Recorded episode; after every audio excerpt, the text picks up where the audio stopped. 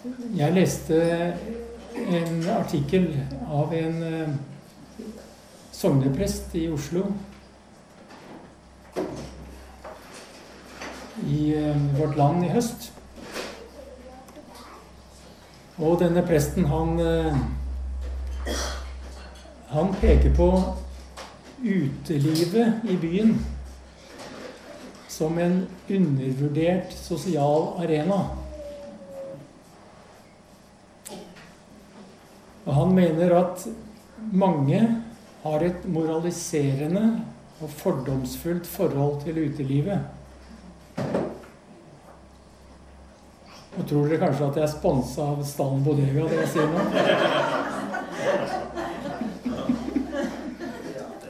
Det er det altså ikke.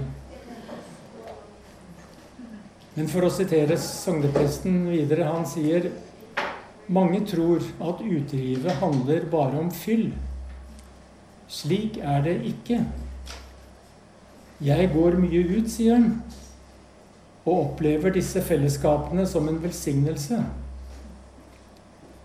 De utgjør svært viktige sosiale arenaer for veldig mange mennesker.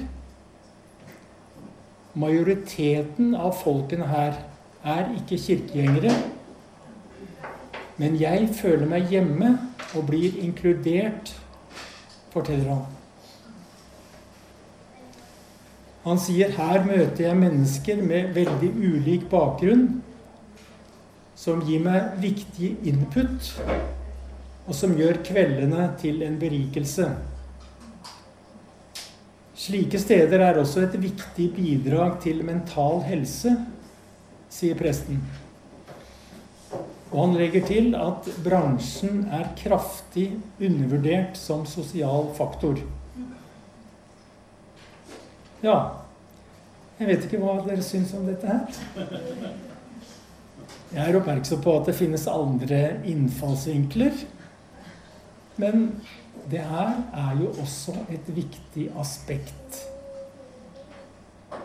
som vi ikke må overse. Og det som eh, på en måte berører meg eller trigger meg litt i det som presten her sier, det er at han, han snakker om moralisme og fordommer. Og hvis det ene brilleglasset er laget av moralisme, og det andre av fordommer, da skjer det en vesentlig ting. Da ser jeg ikke mennesker. Men Jesus ser menneskene. Det er det som er poenget. Jesus ser menneskene. Og han ser forbi det ytre. Forbi omstendighetene. Og Jesus ser menneskenes hjerter. Og når vi leser evangeliet, så ser vi jo fort at Jesus gikk forbi alle religiøse sperringer. Og Jesus lot seg ikke hindre i sin gjerning av moralisme og fordommer og pekefingre.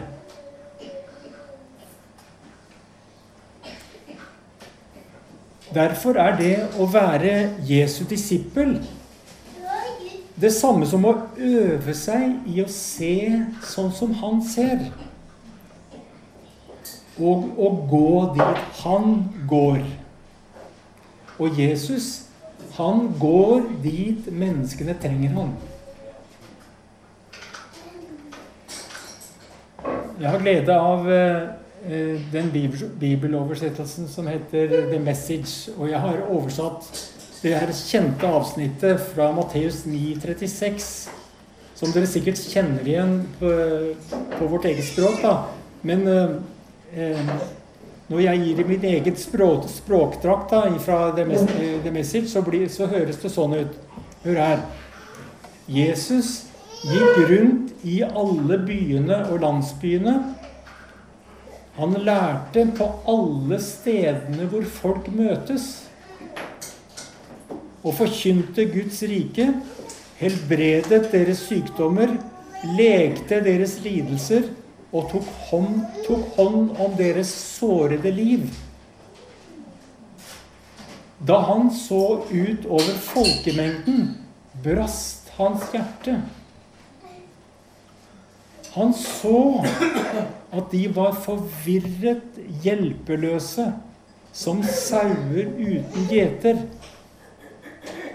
Det er en stor høst, sa han til disiplene, men så få arbeidere. La oss gå på kne og be om at flere hender skal ta tak i høsten. Matteus 9,36. Denne teksten, disse orda, ble sagt for 2000 år siden. Men i dag er det vi som hører disse orda, og vi som tar imot kallet, vi som tar imot oppdraget. I dag er det vi som må se. Og vi må se lenger enn vi har vært vant til å se. Og i dag er det vi som må gå på kne. Og i dag så er det våre harde hjerter som må briste. Problemet er at de hendene som skal ta ansvar for innhøstningen, de er ikke der hvor høsten er. Jeg er klar over at jeg generaliserer. Og noen er i større eller mindre grad der hvor høsten faktisk finnes. Hvor mennesker møtes. Og noen av oss har gjort sporadiske utflukter dit mennesker møtes. Og skynde oss hjem igjen, kanskje. Men generelt, altså, og i altfor stor grad, så har høstarbeiderne vært isolert. Og høst, høstarbeiderne er isolert. Høstarbeiderne er på trygg avstand fra den verden vi er kalt til å gå ut i. Gå ut i all verden, sa Jesus, og gjør alle folkeslag til mine disipler. Og det tjenerskapet som Gud har kalt, og som Gud har rørt ved, har i stor grad, vil jeg si da, blitt isolert ifra verden i ei boble. Og denne bobla har et navn. Det er kristenbobla. Og det er i denne her kristne bobla vi har en sterk tilbøyelighet til å slå oss til ro. Og derfor er kanskje vår viktigste utfordring i dag, i den tida vi lever, nå innenfor jula og det nye året som kommer Vår viktigste utfordring er kanskje å komme ut av denne bobla. Inne i kristenbobla er det for all del veldig mye bra. Og så er det noe som ikke er av det gode. Inne i bobla så kan det være et trygt og godt fellesskap. Der har vi felles verdier. Der deler vi frimodig troen på Jesus. Og vi har en felles erfaring av Guds nåde som er unik. Inne i denne bobla får vi også kjenne Jesus og vokse i fellesskap med Han. Og på sitt beste inni denne bobla så får du bli den du er. Det kan ta litt tid, men du kan bli det. Bli den du er. Du behøver ikke å finne opp den du er. For det er du allerede. Det er gitt deg som en gave. Og på, beste, på sitt beste så får du bli den du er. Og du blir akseptert som den du er, i en atmosfære av omsorg og kjærlighet. Men også, på det verste, kanskje jeg vil si, så kan du bli gjenstand for sosial kontroll, for gruppepress og tilsvarende begrensninger. Og inni bobla du kan pådra, pådra deg et innsnevra perspektiv på verden. Og du kan få påsatt briller som gjør at ikke du ser menneskene. I verste fall. Så inni den bobla det er pluss og minus. Og jeg har bare nevnt noe av det. Den store utfordringen for oss i dag er som sagt hvordan vi kan bryte ut av denne bobla. Eller mer presist sagt hvordan kan vi komme ut av denne bobla og ta det beste med oss? Hvordan kan vi komme ut av denne bobla og ta det beste med oss, men la det verste bli igjen? For noe kan helst bli igjen i bobla. Ut av bobla og av med de begrensende brillene, så vi kan se det som Jesus ser. Så vi kan se menneskene. Og kanskje er det der vi er i dag. Slik jeg forstår det. Jeg vil bruke en liten illustrasjon. Det er nok noen av dere her i ettermiddag som husker verven på 50- og 60-tallet.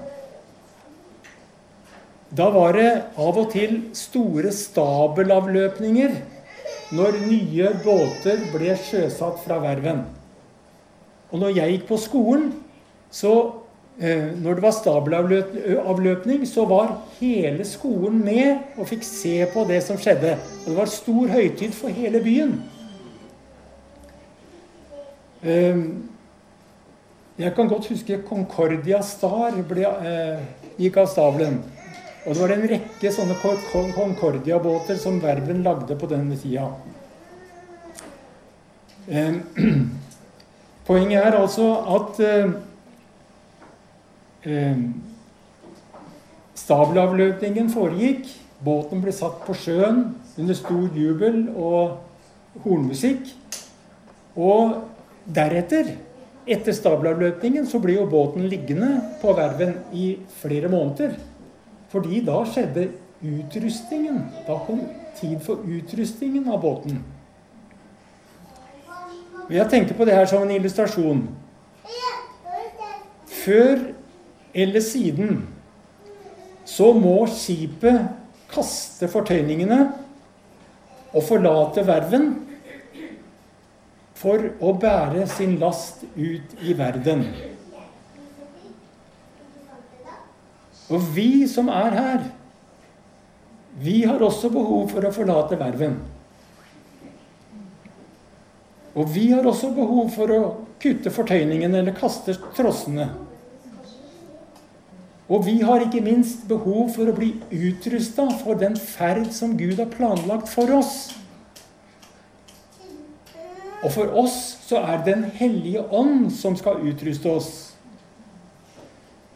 Men det er først når vi våger å kaste loss, når vi legger ut fra land, at vi kommer ut dit på havet hvor vi er bestemt for å være. Og vi har vært landfast altfor lenge. Her har egentlig apostelen Paulus et ord å si oss. Og hør hva apostelen sier her i 1. Korinterne 3, 21 og 22. Paulus sier alt er deres. Enten det er Apollos eller Kefas eller verden. Oi. Alt er deres. Verden. Jo, det er det han sier. Verden eller liv eller død. Enten det nåværende eller det som skal komme. Alt er deres.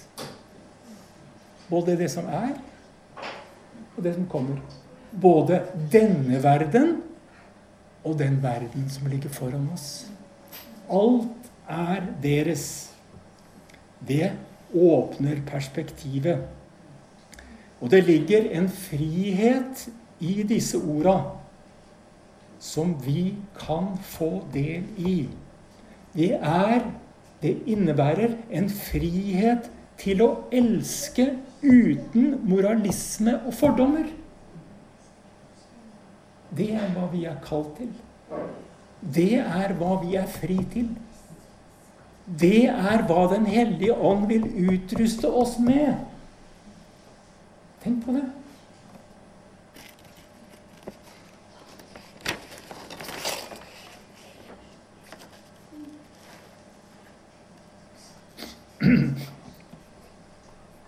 Jeg lånte en bok av eh, Solveig Håvåg. Du skal få den igjen nå etterpå, forresten. Jeg har den med meg.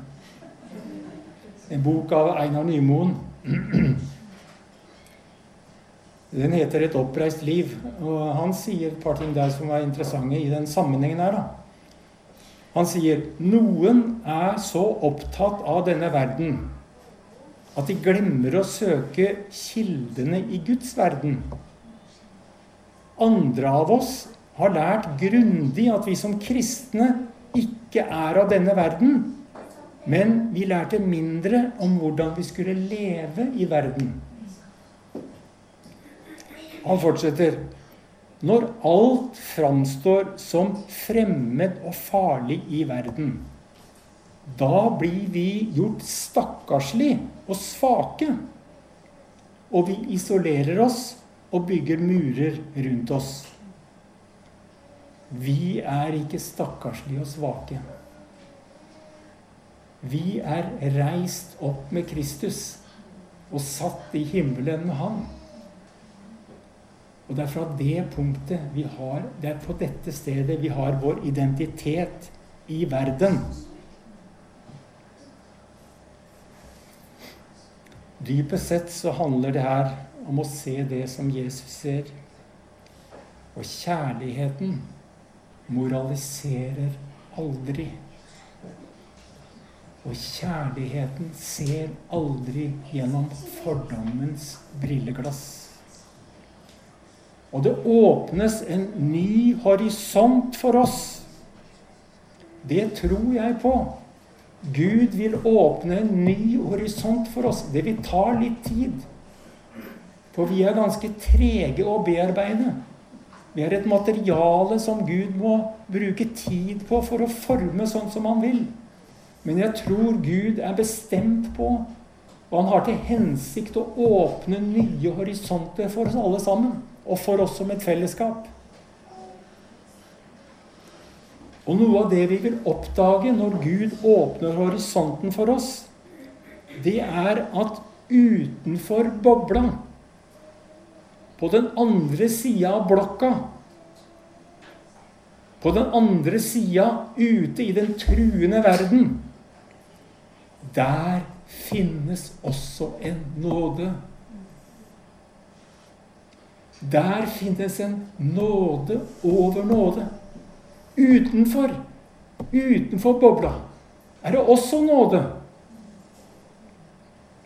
Og det er en nåde som når som helst kan bryte inn i menneskers liv, der nåden finner en åpning.